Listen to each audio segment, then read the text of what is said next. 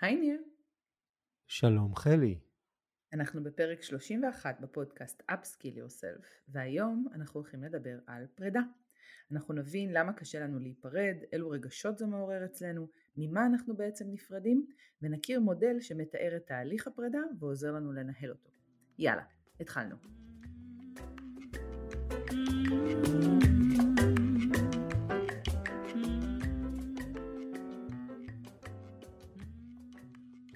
טוב, אנחנו הולכים לדבר היום על אה, פרידה בצורה מאוד מאוד מיוחדת, כי אנחנו בעצם נפרדים פה גם אחד מהשנייה, אנחנו, זאת הולכת להיות ההקלטה האחרונה של הפודקאסט שלנו, אז אנחנו ננסה להבין ביחד למה בעצם קשה לנו להיפרד וננסה תוך כדי שאנחנו מדברים גם על מודלים וכלים איך לעשות את זה נכון, אנחנו גם ננצל את ההזדמנות ונעשה בלייב אה, את הפרידה שלנו. אז אני חייבת להודות שהפרק הזה הוא מאוד מאוד אמוציונלי מבחינתי. קשה לי אה, לדבר ולהביע את עצמי, אז תכף ניר יעזור לי.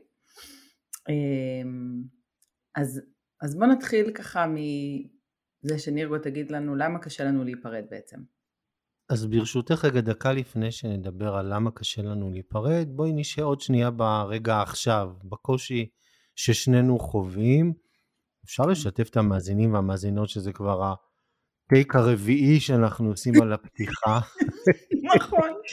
שזה רק מראה כמה אנחנו באמת במורכבות של הפרידה. אז יאללה, בואי בוא איזה שני משפטי בינג, מה שנקרא, מה את חובה או חשה כרגע?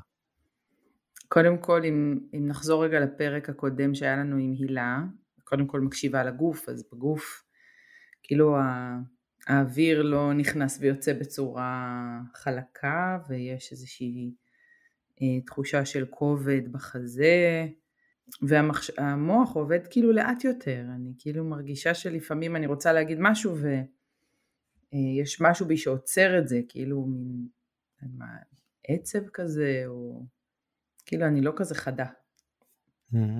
אז מה שאת מתארת, אני גם חש וחווה, זה סיטואציית דחק, לא שכרגע אנחנו נמצאים במצב הישרדותי, אבל אנחנו לא כן. במצב נינוח, אנחנו לא במצב הרגיל שלנו עם הצחוקים והאהבה זורמת, אבל היא זורמת אחרת, כי ברגע שנמצאים בסיטואציית פרידה, אנחנו עוברים למקום שהוא פחות מוכר, פחות ידוע, יש אי ודאות, יש עמימות, יש פחד וחרדה מהלא ידוע,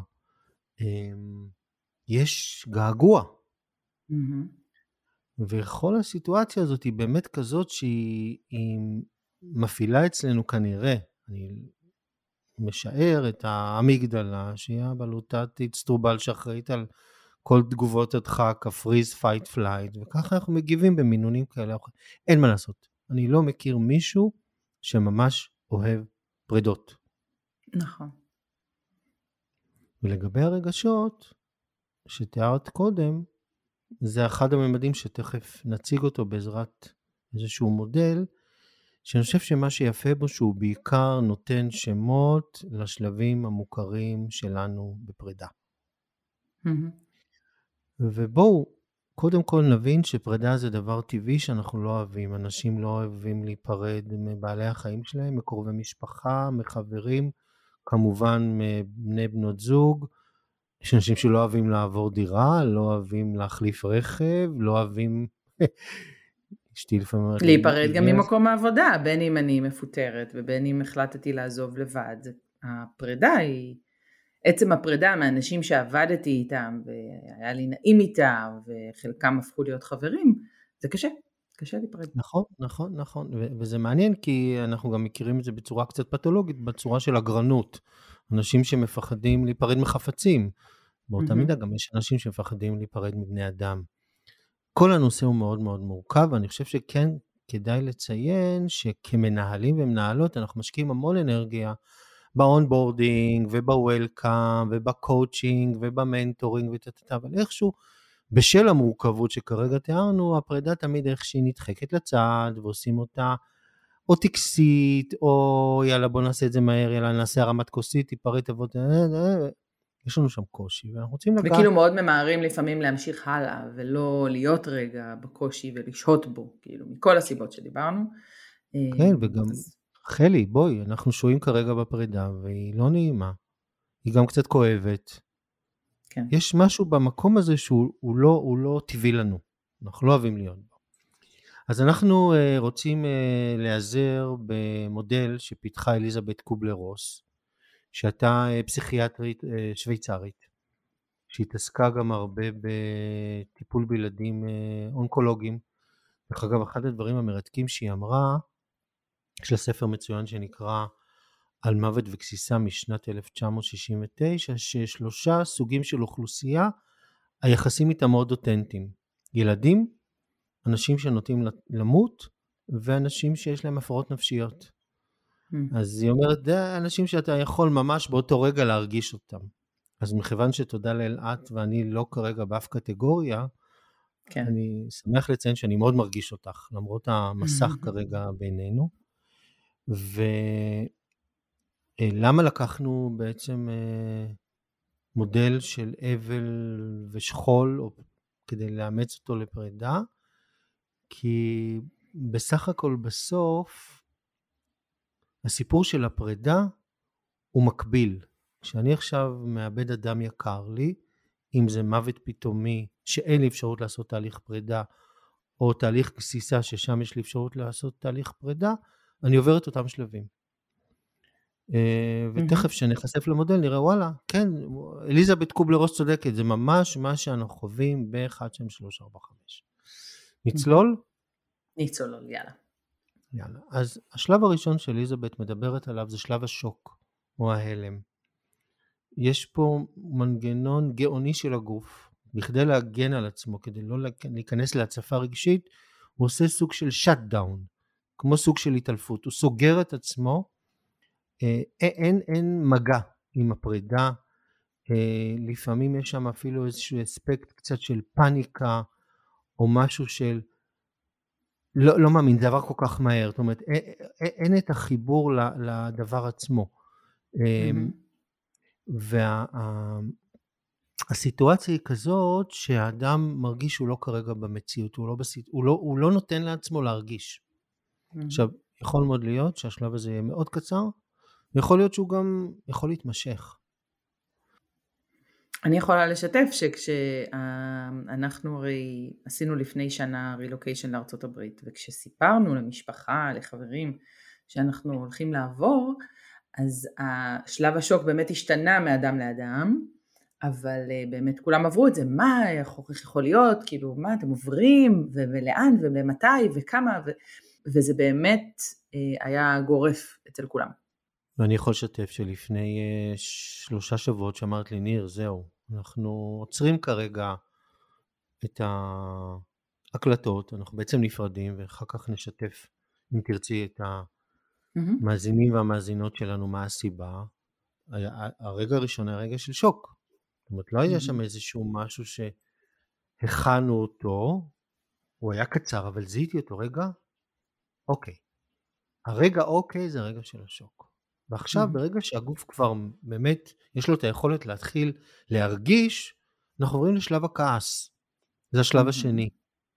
שלב של, אה, אני קורא לזה כעס ככותרת, אבל יש שם צער וכעס ותסכול והחמצה וחרטה וזעם. אה, הרבה פעמים הכעס הזה גם מופנה החוצה. אנחנו חווים לפעמים אה, ממש סוג של אפילו מין אלימות, משהו שהוא לא נשלט.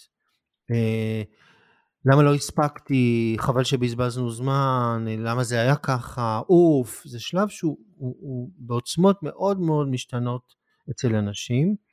אמ, אנחנו נדבר אחר כך בהמשך מה התפקיד שלי בתור מנהל ומנהלת בשלב הזה, אבל כבר אני אומר, טיפ ראשון, תנו לזה לגיטימציה. אני אתן רגע דוגמה לתגובה שאחד המנהלים שאני מלווה אותו קיבל מעובד שהוא פיטר אותו, הוא אומר, אכזבת אותי, חשבתי שאנחנו חברים. Mm-hmm. עכשיו, זו תגובה מאוד מאוד אמוציונלית. היא לא רלוונטית בכלל לתהליך הפיטורים או לכל מערכת היחסים שהייתה מערכת יחסים מקצועית. אני רגע עוד שנייה משהו על השלב השני, אני חושבת שבשלב הכעס, או בכלל השלב שבו הרגשות אה, צצים ועולים, יש באמת, בגלל שזה לא תמיד מבוסת וזה פשוט יוצא, לפעמים זה יוצא כזה בפאסיב אגרסיב, זה לא תמיד יוצא בצורה מאוד מאוד ישירה, אם אני אתן רגע דוגמה לאיך אנשים הגיבו לנו, זה היה כזה, רגע מה, לכמה זמן? והיה בזה הרבה מאוד סאבטקסט של כאילו, מה, אתם עוזבים אותנו? מה, למה, אתם עושים, למה אתם עושים לנו את זה? אה, הרבה האשמה, שאיך אתם, מה, אה, נוטשים אותנו, במילים כאלה ואחרות. למרות שברגע שאני מאשים, זה יכול להיות סוג של מעבר בין שלב הכעס לשלב שתכף נדבר עליו. Mm, נכון, נכון. אמ, ומה שמעניין במה שאת אומרת, שאנשים לא תמיד יראו את הרגשות בתהליך הפרידה. זאת אומרת, אם למשל כרגע אני נפרד מעובד, יכול מאוד להיות שבאותו רגע הוא לא יראה את הרגשות, הוא אפילו יתכנס, ילך הביתה, אבל הזעם והכעס והתסכול וכל מה שדיברנו כרגע יכול לצוץ גם בבית, לא, בנוכ... לא בנוכחותי, לא בפניי, כמנהל או מנהלת, זה מאוד חשוב. Mm-hmm. המקום הזה של הכעס, הרבה פעמים הוא נתפס כחולשה. Mm-hmm. ולכן אנשים יהיו מאוד מאופקים במקום הזה, הם לא, לא, לא יראו, ואם כן אדם מראה את הכעס, לצערי הרבה פעמים הוא נשפט במקום של אובדן שליטה, mm-hmm. או אובדן ויסות רגשי. בחייאת, בוא שים את זה בפרופורציות. עכשיו, זאת כן. האמירה האחרונה שצריך לומר לאדם שחווה פרידה. אני גם אגיד שאני חושבת שכשאם הרבה פעמים האדם שיוזם את הפרידה אה, ויוצא עליו הכעס, לוקח את הדבר הזה באופן אישי, כשזה זה תהליך טבעי, זאת אומרת, אה, כשאני עושה את זה, אם אני יודעת שהולכות לצוף אה, כל מיני רגשות, אני צריכה להיות רגישה לזה ולדעת שזה, שזה חלק מהתהליך וכל רגש שעולה הוא רגש לגיטימי ולפעמים הוא יצא בדרכים כאלה ואחרות, כן? אבל זה חלק טבעי מהתהליך. ואחר כך כשהרגש קצת ירד ויבוסת, אז יצאו הדברים הבאמת רלוונטיים. וואי, הזכרת לי עכשיו משהו שמחזיר אותי, אני לא אגיד כמה שנים אחורה, אני רק אגיד שהייתי בן, הייתי בסדיר, והייתי צריך להיפרד, עשינו הכנת מדריכים, והייתי צריך להיפרד מאחד האנשים שלא התאים ל... לא עמד בקריטריונים. אני זוכר שכל הלילה לא ישנתי. זאת אומרת, המעורבות הרגשית שלי כמישהו שצריך במרכאות כפולות לפטר, הייתה בדיעבד הרבה יותר עוצמתית מאשר של אותו אדם. כי בסוף כשהצגנו לו, מכיוון שעשינו תהליך כמו שצריך, עם השובים וזה, אמרתי לו, מייק, בוא, אנחנו צריכים לדבר כמה דקות. הוא אומר, כן, אני מבין, יאללה, תודה רבה, היה אחלה קורס, תהיו בריאים ונסע לשלום. זאת אומרת, הוא ממש, אולי הוא היה בשלב ההלם, לא נכנסתי לזה, אבל כנראה הוא לקח את זה פחות קשה ממני. אני אומר את זה כי לנו כמנהלים מאוד קשה לפעמים לפטר. כי יש שם לפעמים מצב סוציו-אקונומי מורכב, או מצב אישי מורכב, ואולי ניתן לו עוד צ'אנס וטה טה טה. צריך לשים לב שהסיטואציה הזאת שלפעמים היא מתארכת ונמתחת יותר מדי, אני קורא לזה המסטיק של תהליך mm-hmm. הפרידה מהעובד, פוגע גם בי בתור מנהל, אבל לפעמים לא פחות גם בעובד. אז הסיפור הזה הוא מאוד מורכב. ועוד משהו להיזהר ממנו, אם נפרדים ממני כמנהלת, מישהו עוזב אותי, הרבה פעמים הכעס יכול לצאת על העובד או על העובדת בצורה של איך הם ככה עוזבים אותי, אחרי שהשקעתי כל כך הרבה, זה כפיות טובה, ו, ו, ופה נניח זה מקום שה, שאנחנו צריכים להיות יותר מאופקים רגע. ו, ויש דברים שלא צריכים לצאת על העובדים ועל העובדות שלנו, צריך להוציא אותם במקומות אחרים, לשמור את זה רגע לעצמנו ולפרוק את זה אחר כך במקום אחר, ובדרך כלל גם אם אני אעבור אחר כך את כל השלבים, אני אבין מה, מה הביא את העובד או העובדת לעזוב אותי, אה, ואולי קצת אה, להכיל את זה ולהיות אמפתית לדבר. זה היה מאוד מדויק מה שאמרת. וזה בדיוק המקום שלי אפרופו מה שהיה בפרק הקודם עם מילה כדור, להיות מודע רגע לרגשות שלי ולהבין שהם כרגע לא רלוונטיים לתהליך הפרידה. וזה שהעובד עזב, נכון שאומרים שעובד לא עוזב ארגון, עוזב מנהל, אבל יכול להיות שהסיבות בכלל לא קשורות אליי. והדברים באמת צריכים וגם אם כן, אני צריכה ללמוד מזה, ולא להוציא עליהם את התסכול שלי, זה לא, זה לא, לא. התסכול שלי לא רלוונטי, אני מסכים איתך. ברגע שעברנו את שלב הכעס או השלב הרגשי, אנחנו עוברים לשלב היותר קוגניטיבי, שזה שלב ההתנגדות. יש שם ממש התנגדות לפרידה. הביטוי בדרך כלל זה איזשהו רצון לדחות את הפרידה, או למנוע את הפרידה, למרות שתכלס יודעים שהיא בלתי נמנעת, לא, זה לא יכול להיות, האם יש מצב שאני זה, אני לא מאמין. המקום הזה הוא מקום שבעצם הרגשות עוברים איזשהו תהליך של עיבוד פנימי, כדי לעבור לשלב הבא שנדבר עליו בהמשך, שהוא קשור לקבלה והשלמה. אני אתן דוגמה. כן. נניח בשלב ההתנגדות, זה כמו שמסיימים אה, קורס פיתוח מנהלים, והאנשים אומרים, טוב, אנחנו עוד ניפגש. ב- כאילו, בדיוק. אנחנו כן. עוד לא, זה לא באמת אנחנו נפרדים, אנחנו נראה לך את השנייה. אנחנו... בול. נעשה מפגשים, אנחנו נעשה כן. זה, בטח. נעשה על האש, כן. על האש, כן, ברור, כן. כן, כי אנחנו בעצם... ואז שואלים את המנחה תבוא, אני אומר בטח שאני כן. אבוא, רק תזמינו אותי, תגידו לי מתי, זה לא קורה. זה לא קורה. זה לא קורה. האמת שזה קרה פעם אחת וזה היה מאוד מפתיע והיה מאוד אה, באמת מיוחד. אבל זה לא קורה, זה בדיוק המקום הזה של יאללה, בואו, סיימנו, הקורס הסתיים. אני רוצה אבל להוסיף עוד משהו, שצריך כל הזמן להחזיק האם הפרידה היא הדרגתית או מתוקשרת בצורה הדרגתית לעובד, או פתאומית. Mm-hmm. כי אם כרגע עושים פרידה פתאומית, כל התהליך שכרגע דיברנו, ההלם, הכעס וההתנגדות הם בעוצמות הרבה יותר גדולות. ואם יש תהליך פרידה שהוא יותר הדרגתי, הנה, דיברתי אתמול עם קולגה שסיפרה לי שלצערנו הרב אביה נפטר לפני שלושה שבועות, אחרי שנה שהוא סבל. זאת אומרת, אני, אני חושבת שזה היה דבר טוב. עכשיו, אני, היא אומרת, אני עושה עיבוד של תהליך הפרידה, אבל מבחינתי ואנחנו לא אומרים שצריך למשוך שנה, אבל כן לתת לעובד סימנים שכרגע יש פער בפיצויים, ששביעות הרצון ממנו היא לא כמצופה. גם יש פה גם איזושהי הוגנות, ואז לכשנגיע לשל... לשלב שבו כרגע אנחנו עושים זימון לשיחת שימוע, הנה שיחת שימוע, החלטתנו היא וכולי, הכל יתאפס אחרת. מסכימה, ואז זה לא יבוא כשוק, כי זה בעצם איזשהו תהליך שעברנו, שהכל היה שקוף, הבנו, אני לא חושבת שכל אדם מתאים לכל ארגון, וזה בסדר שיש חוסר התאמה. אני מביעה את הציפיות שלי, מסבירה מה אני רוצה, נותנת את כל הכלים לעובד או לעובדת כדי שיוכלו לשפר את הביצועים שלהם. אבל אם זה לא עובד, וזה לא משתפר, ואני כל הזמן מתקשרת איפה אנחנו נמצאים, אז לפעמים אנחנו צריכים uh, להיפרד כידידים. אז לפני שאנחנו נפרדים כידידים, בואי רגע חלי ננסה להבין ממה אנחנו נפרדים. אבל בואי נתחיל רגע בנו, ממה את ואני נפרדים. אתה רואה, רק, אנחנו רק מתחילים לדבר עלינו, אני צריכה לנשום. אבל, אבל זה בדיוק זה, זה בול, בול המודל. כי הרי מה כן. קורה? את ואני חווים הצפה רגשית שיוצרת שם איזשהו בלוק לקוגניציה, צריך רגע לנשום, קצת לאוורר רגשות, ואז לנסות להבין.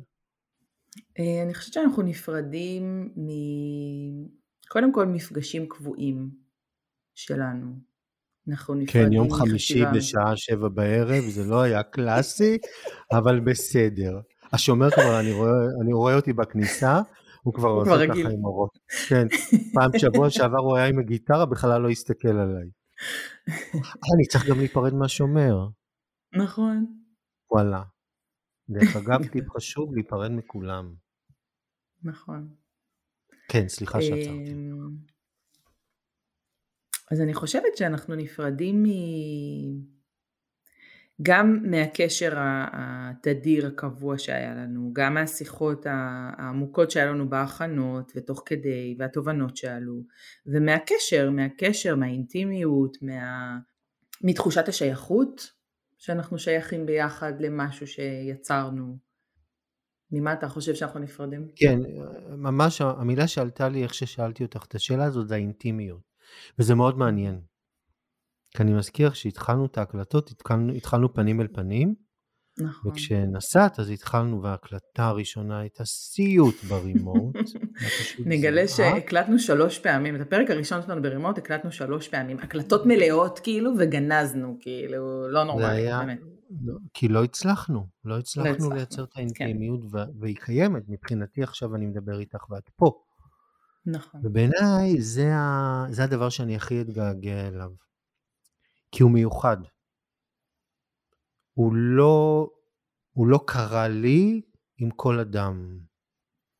וזה משהו, אני חושב שאנחנו בעיקר מתגעגעים למשהו שאנחנו לא יכולים למצוא לו תחליף. Mm-hmm. אני יודע שזה לא יקרה עם עוד אדם ברימורט. Mm-hmm.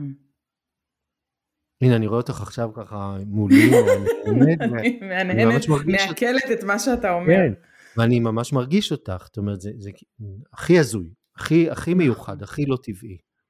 ואני גם נכון. מקווה שהמאזינים והמאזינות שלנו הצליחו להרגיש את זה בהקלטה. כן. יכול להיות שהם יכעסו עלינו קצת, בשלבים, אתה יודע. כן, כן. טוב, אז מה, ממה המנהל ומנהלת נפרדים? תלוי, הם נפרדים מעובדים או כשעובדים נפרדים מהם? אז בואו נדבר על שתי הסיטואציות. אז בואו נתחיל מזה שכשעובדים נפרדים ממני. אז אחד, אני נפרדת במשהו, משהו באגו שלי, הוא נפגע, שעזבו אותי, נפרדו ממני, אה, זו תחושה מאוד, אה, מאוד קשה. שנכשלתי, נכון? יש משהו שאפילו חווה כישלון. כן. כן. בוודאי. אשמה, הכל שם ביחד, נכון. אשמה, בושה, בטח. כן.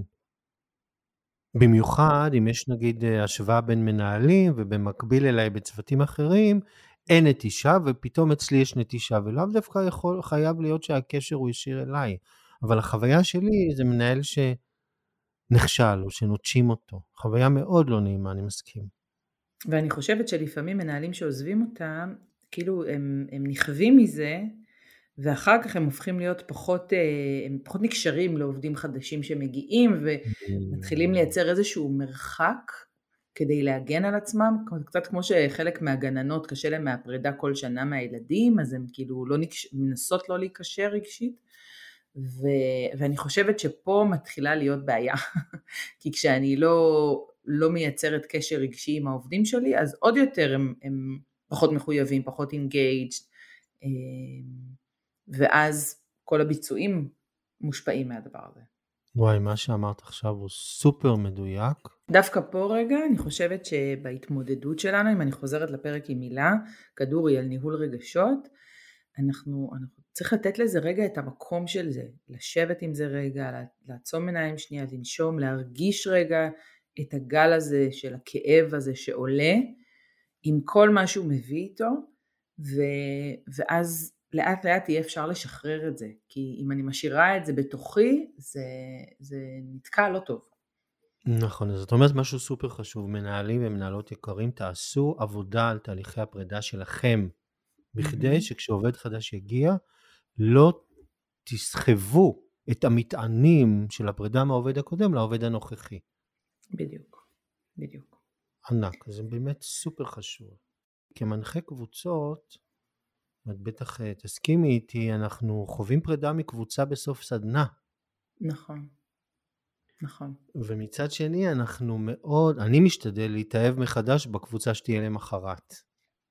נכון, אני, אני מתאהבת סדרתית בקבוצות, אני, אני חייבת את זה ואני מרגישה אה, באמת, ב, ב, לפעמים בסדנה אפילו של חצי יום, יכול להיות שבסוף הסדנה אני ממש מרגישה שאני אוהבת את האנשים האלה ורוצה בטובתם איך את, איך את, רגע, רגע, מעולה, איך את, איך את יודעת שבסוף סדנה של חצי יום או יום, לא משנה כרגע, התאהבת בהם?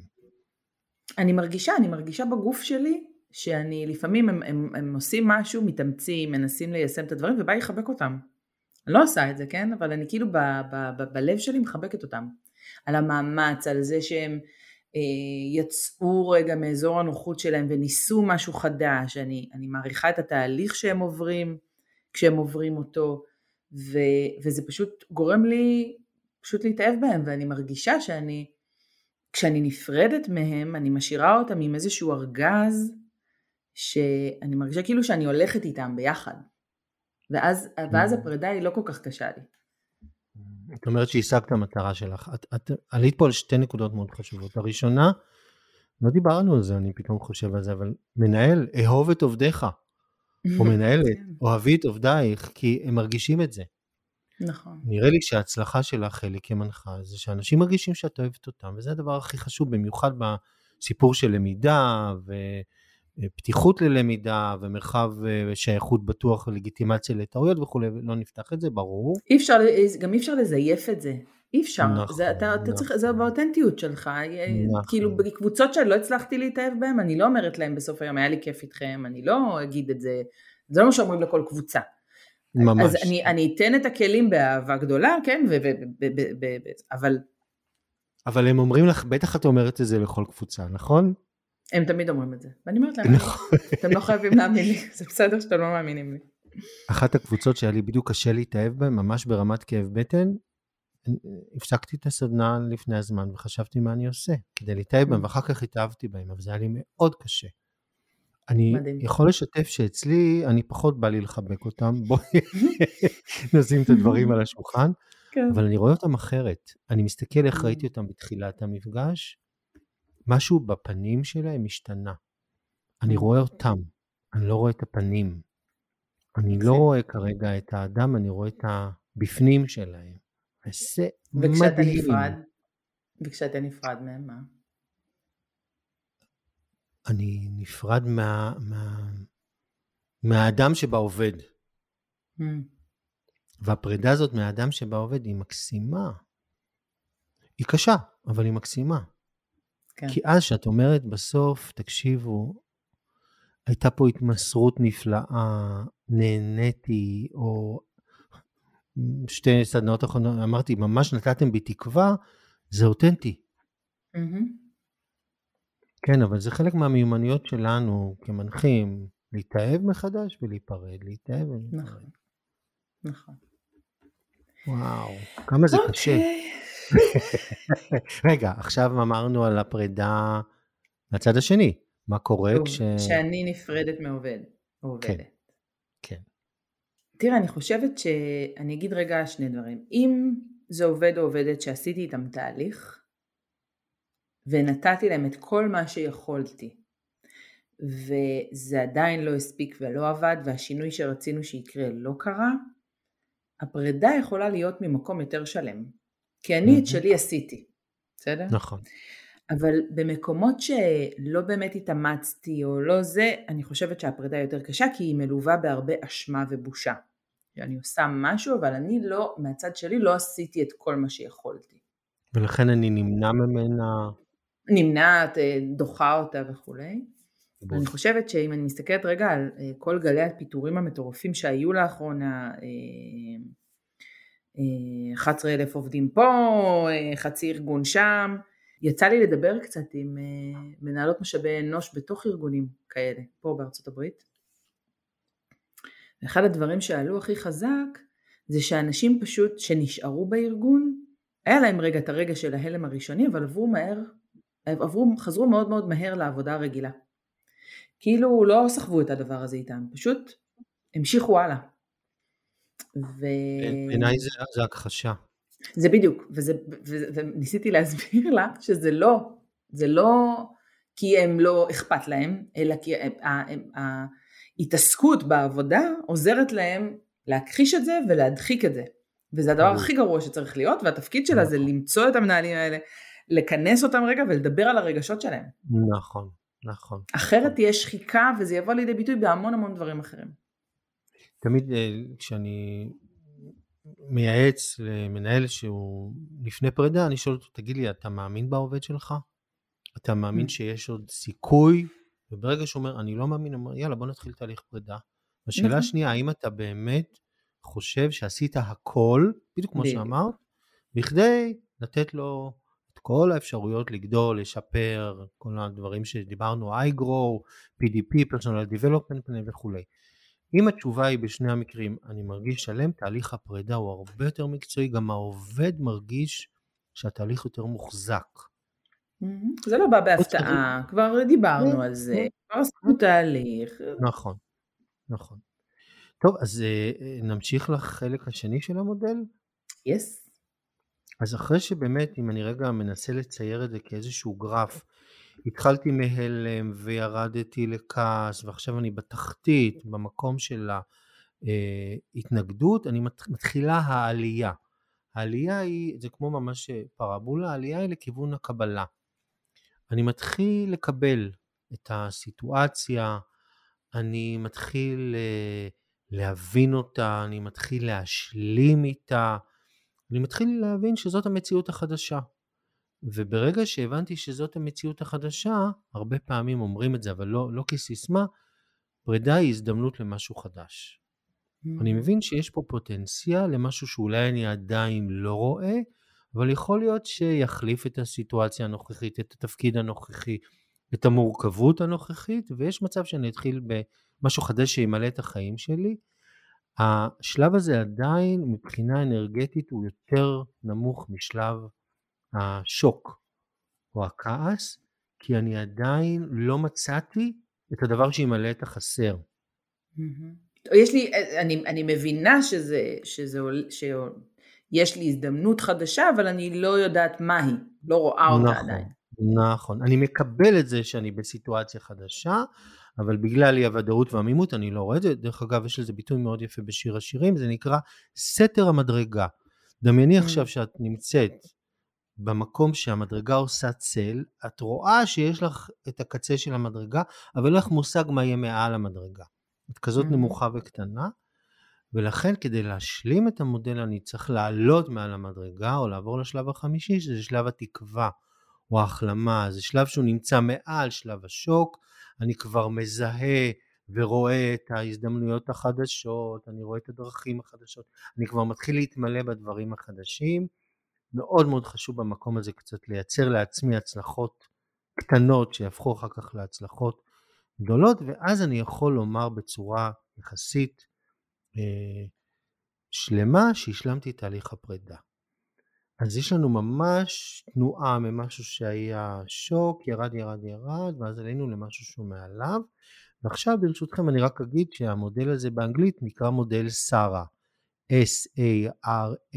S-A-R-A-H, וזה ראשי תיבות של השוק, זה ההלם, ה anger שזה הכעס, ה resistance שזה התנגדות, ה acceptance שזה שלב הקבלה, וה healing או ה hope שזה שלב התקווה או ההחלמה, וקיבלנו שרה. ואז תראו פתאום יש איזה מודל שעושה לי סדר בשלבים, שתי תובנות חשובות. וממשיג בעצם, ממשיג את מה שאני חווה ועוברת, שמה שאנשים, כאנשים, עוברים תמיד כשיש תהליך פרידה, לפעמים מדלגים, כאילו עוברים מהר בין שלב לשלב, אבל כל השלבים קורים לכולם כל הזמן בכל תהליך פרידה. יופי, אז פה מאוד חשוב להבין שיש גם אנשים שנתקעים בשלבים מסוימים. Mm, נכון. לצערנו הרב יכול להיות עובד שייתקע בשלב האנגה, והוא לא ימשיך הלאה, הוא יישאר בכעס, כמו שסיפרתי קודם הוואטסאפ, או מישהו שייתקע בשלב הרזיסטנס, די לא פייר, איזה אלה, ולמה, וכל הזמן יש לו את ה... והוא תקוע שם, זה מקום מאוד קורבני. יש אנשים mm-hmm. שיישארו בשלב ה acceptance ולא יצליחו למצוא באמת משהו חלופי או איזושהי אופציה. אני, אני אומר כי כשאליזבת קובלר רוס מדברת על מודל האבל, אם אני נתקע בשלב ה, או השוק או ה anger או ה resistance, זה הופך להיות אבל מורכב. Mm. ואז אנחנו רואים אנשים שלא מצליחים לתפקד.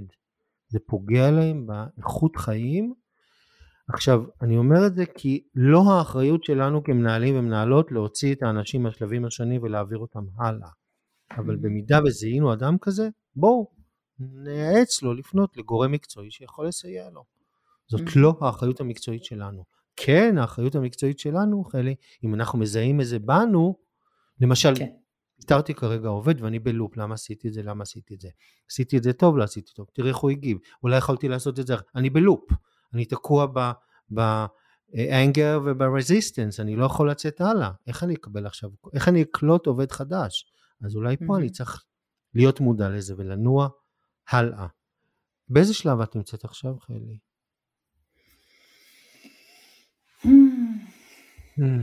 בדיוק. תראה, אני מרגישה שאני, במידה מסוימת אני מרגישה שאני בשלב התקווה, כי כאילו אני כן רואה קדימה וכולי, אבל הרגשות של העצב והגעגוע הם עדיין, הם עדיין שם. אין התנגדות לזה. זהו, אין התנגדות בדיוק. לזה. אני נכון. בקבלה שזה המצב ושזה בסדר, וגם שזה, נכון. חושבת שזה טוב. אני חושבת שבסוף זה, זה טוב לשנינו, אבל זה עדיין, יש שם רגשות. אז אולי באמת בואי רגע נשתף את המאזינים והמאזינות שלנו, למה אנחנו נפרדים? כן. לפני שנדבר על למה אנחנו נפרדים, אולי נגיד מילה למה, למה יצאנו לדרך. שנינו, אני חושבת, היה לנו צורך, ניר אתה קורא לזה לרוקן את הכוס, mm-hmm. לקחת את הידע שיש לנו ולהעביר אותו הלאה, להוציא אותו מתוכנו החוצה. להפיץ ו... אותו. להפיץ אותו, בדיוק, לכל מי שאו ידו אינו, אינה משגת, או למי ש... שצריכים אה, להבין קצת יותר בניהול, אה, מנקודת המבט הייחודית שלנו. שהיא, אני חושבת שיש בה הרבה מיני משותף, לך ולי, כל אחד עם הזוויות שלו. ובאמת עשינו את זה, זה פרק 31 אני חושבת עכשיו, נכון? ועשינו את זה גם uh, תוך כדי שאני עברתי לקצה השני של העולם. ועכשיו כשאני ככה מתחילה לעבוד ופתחתי פה את העסק שלי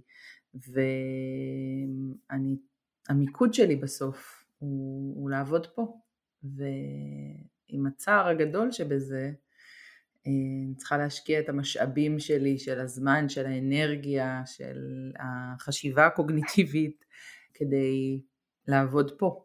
אז אה, יש מצב שאתם תפגשו בי אה, בפודקאסטים באנגלית, אבל כן, זהו. מתחילה לכתוב באנגלית פשוט, עברית זה כבר כאילו פחות רלוונטי. וואי, נפלא. קודם כל בהצלחה. תודה. ובאמת זה, זאת אמירה מאוד אמיצה להגיד באנרגיות שלי כרגע, אני שם את הפוקוס איפה שאני נמצאת עכשיו. וזהו, ואנחנו סוגרים את הפרק הזה. אני מנסה לחשוב איפה אני נמצא. Uh, הקבלה היא, היא מלאה, בעיקר בגלל שאני אוהב אותך, אז זה הכי, הכי קל לקבל משהו שהוא טוב לאחר. דרך אגב, זה, זה, זו טכניקה מצוינת, אם אני כמנהל נפרד עכשיו מאיזשהו עובד ואני יודע שזה טוב לו, שעדיף באמת שניפרד, יהיה לי יותר קל כמנהל את תהליך הפרידה ממנו. Mm-hmm. אמ, מבחינתי הפרק יסתיים, אנחנו אחר כך נעשה לנו איזושהי רפלקציה והתבוננות על מה למדנו וזה, ברור, שני חופרים. אבל בגדול, אה, אני, אני כרגע לא, לא צריך את שלב ההילינג או ההופ, כי לפעמים mm-hmm. משהו ברגע שהוא הושלם, הוא שלם. וזאת החוויה שלי. אז אה, שאפו ענק לך. בואי רגע לפני שנצלול ל... איך עושים את תהליך הפרידה, בואו רגע נדבר על תפקיד המנהל בכל אחד מהשלבים או המנהלת. מה אנחנו אמורים mm-hmm. לעשות? אז קודם כל, בגדול, אני אמור לזהות איפה נמצא העובד, וגם אני מזכיר שזה מודל דינמי, זאת אומרת, אני יכול לזהות שרגע הוא באנגר, ואחר כך הוא עובר לשוק, או פתאום הוא קפץ לרזיסטנס, אני צריך לראות איפה הוא נמצא, או איפה אני נמצא. בכלל אה, לדעת שהוא עובר, יעבור, הוא או היא יעברו את השלבים האלה, זאת אומרת, להתכונן לזה ולדעת שהדבר הזה הולך לקרות, ושזה טבעי וזה בסדר. ו... בדיוק. זה הלגיטימציה להתנהגויות האלה.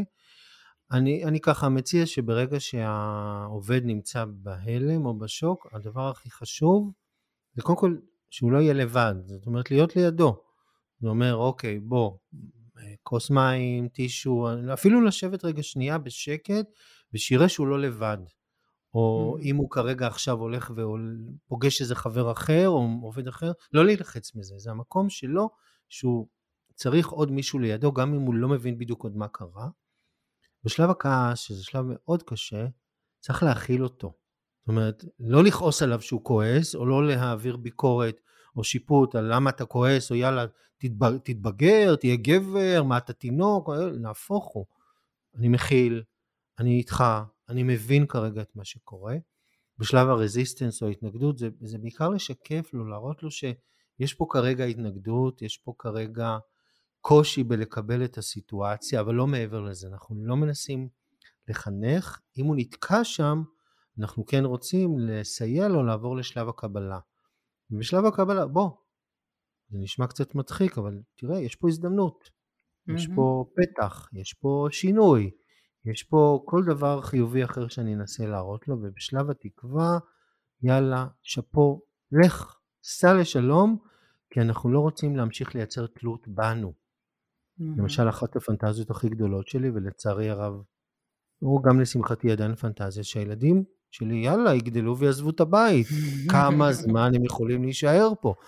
אבל זה לא יקרה בקרוב, וכמו שאנחנו יודעים, המציאות הכלכלית המורכבת היום, אנחנו מכירים את תופעת המאמה האיטלקית, שאנשים. נשארים גם עד גיל 40 בבית, כי זה זול, זה נוח, טטטה וכולי.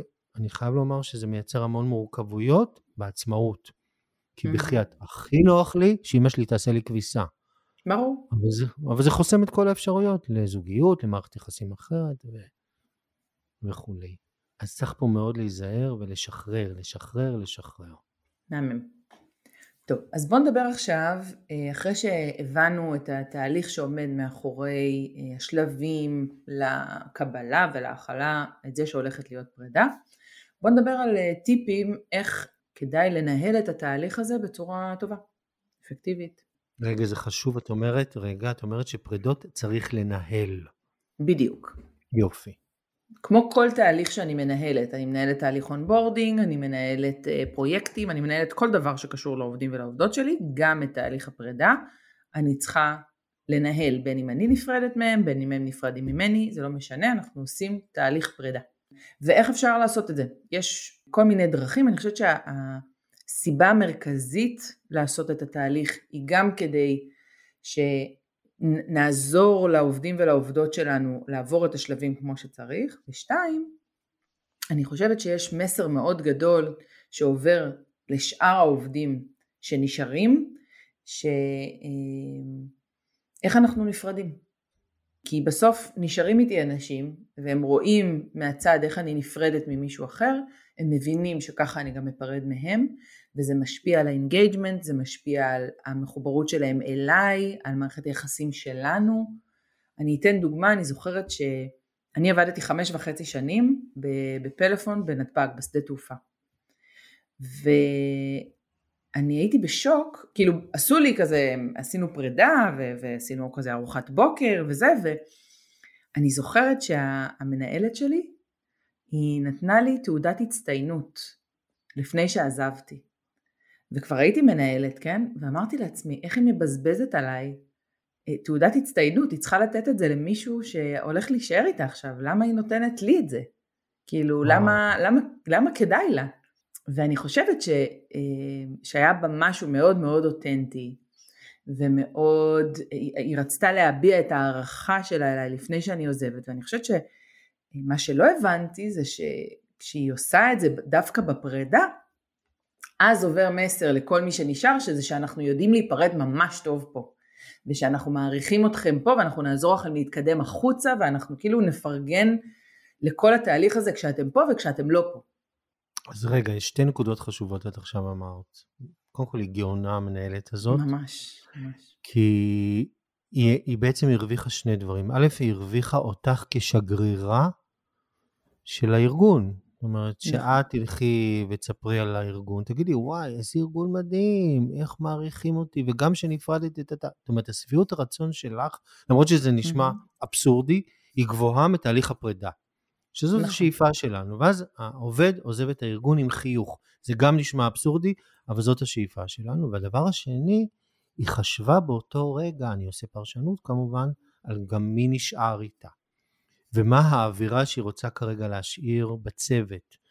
לדוגמה, אני עכשיו אה, דיברתי ממש אה, לא מזמן עם מנהל מכירות שהיו לו מספר אנשי מכירות והוא נאלץ להיפרד מהם מסיבות אישיות וגם מסיבות עסקיות, אנחנו יודעים מה קורה mm-hmm. היום. וכל הזמן הוא אמר, מה שחשוב לי שהאווירה בצוות תישאר טובה. גם כן. אם יש פה תהליך פרידה, אז הוא ממש השקיע בלתקשר את תהליך הפרידה. האנשים בצוות, זה אמנם היה להם מורכב וקשה, אבל הם הבינו למה, הבינו מה קורה. כמובן לא לפגוע בצנעת הפרט, אבל היה להם יותר קל לקבל, כי הוא הבין את מודל שרה. וגם כשהיו תגובות של שוק, אני לא מאמין, מה באמת, גם, גם הוא, או הכעס, הוא ידע להכיל את זה, והסיפור שכרגע תיארת הוא דוגמה מושלמת לאיך פרידה צריכה להיות. מהמם. אז בפרק הזה אה, התחלנו תהליך פרידה. דיברנו על למה קשה לנו להיפרד, פגשנו את מודל שרה שמדבר על חמישה שלבים, shock, resistance, anger, acceptance ו hope, והבנו שיש לנו תפקיד מאוד משמעותי בשלבים השונים של המודל. חלי, אה, שיר לסיום? שיר לסיום? Yeah. יאללה. הפעם אנחנו ממש חוזרים למנהגנו mm-hmm. ופותחים אקראית. מה יוצא? Yeah. אני מרוצה. פותח. אנחנו um, פתחנו לבקשתך בעמוד 31 מתוך הספר אין לי ארץ אחרת, שירים של אהוד מנור, והשיר שיצא נקרא נגמרות לי המילים.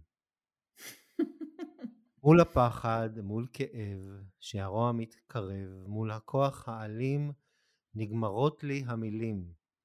כשדרכי כבר חסומה, ובנפש מהומה, כשפושטים בי הצללים, נגמרות לי המילים. אני עובר לבית האחרון, כשנשארתי לבדי, כך רציתי לידי, אך פנייך מתנכרים, נגמרות לי המילים. תודה ניר. תודה חלי. thank you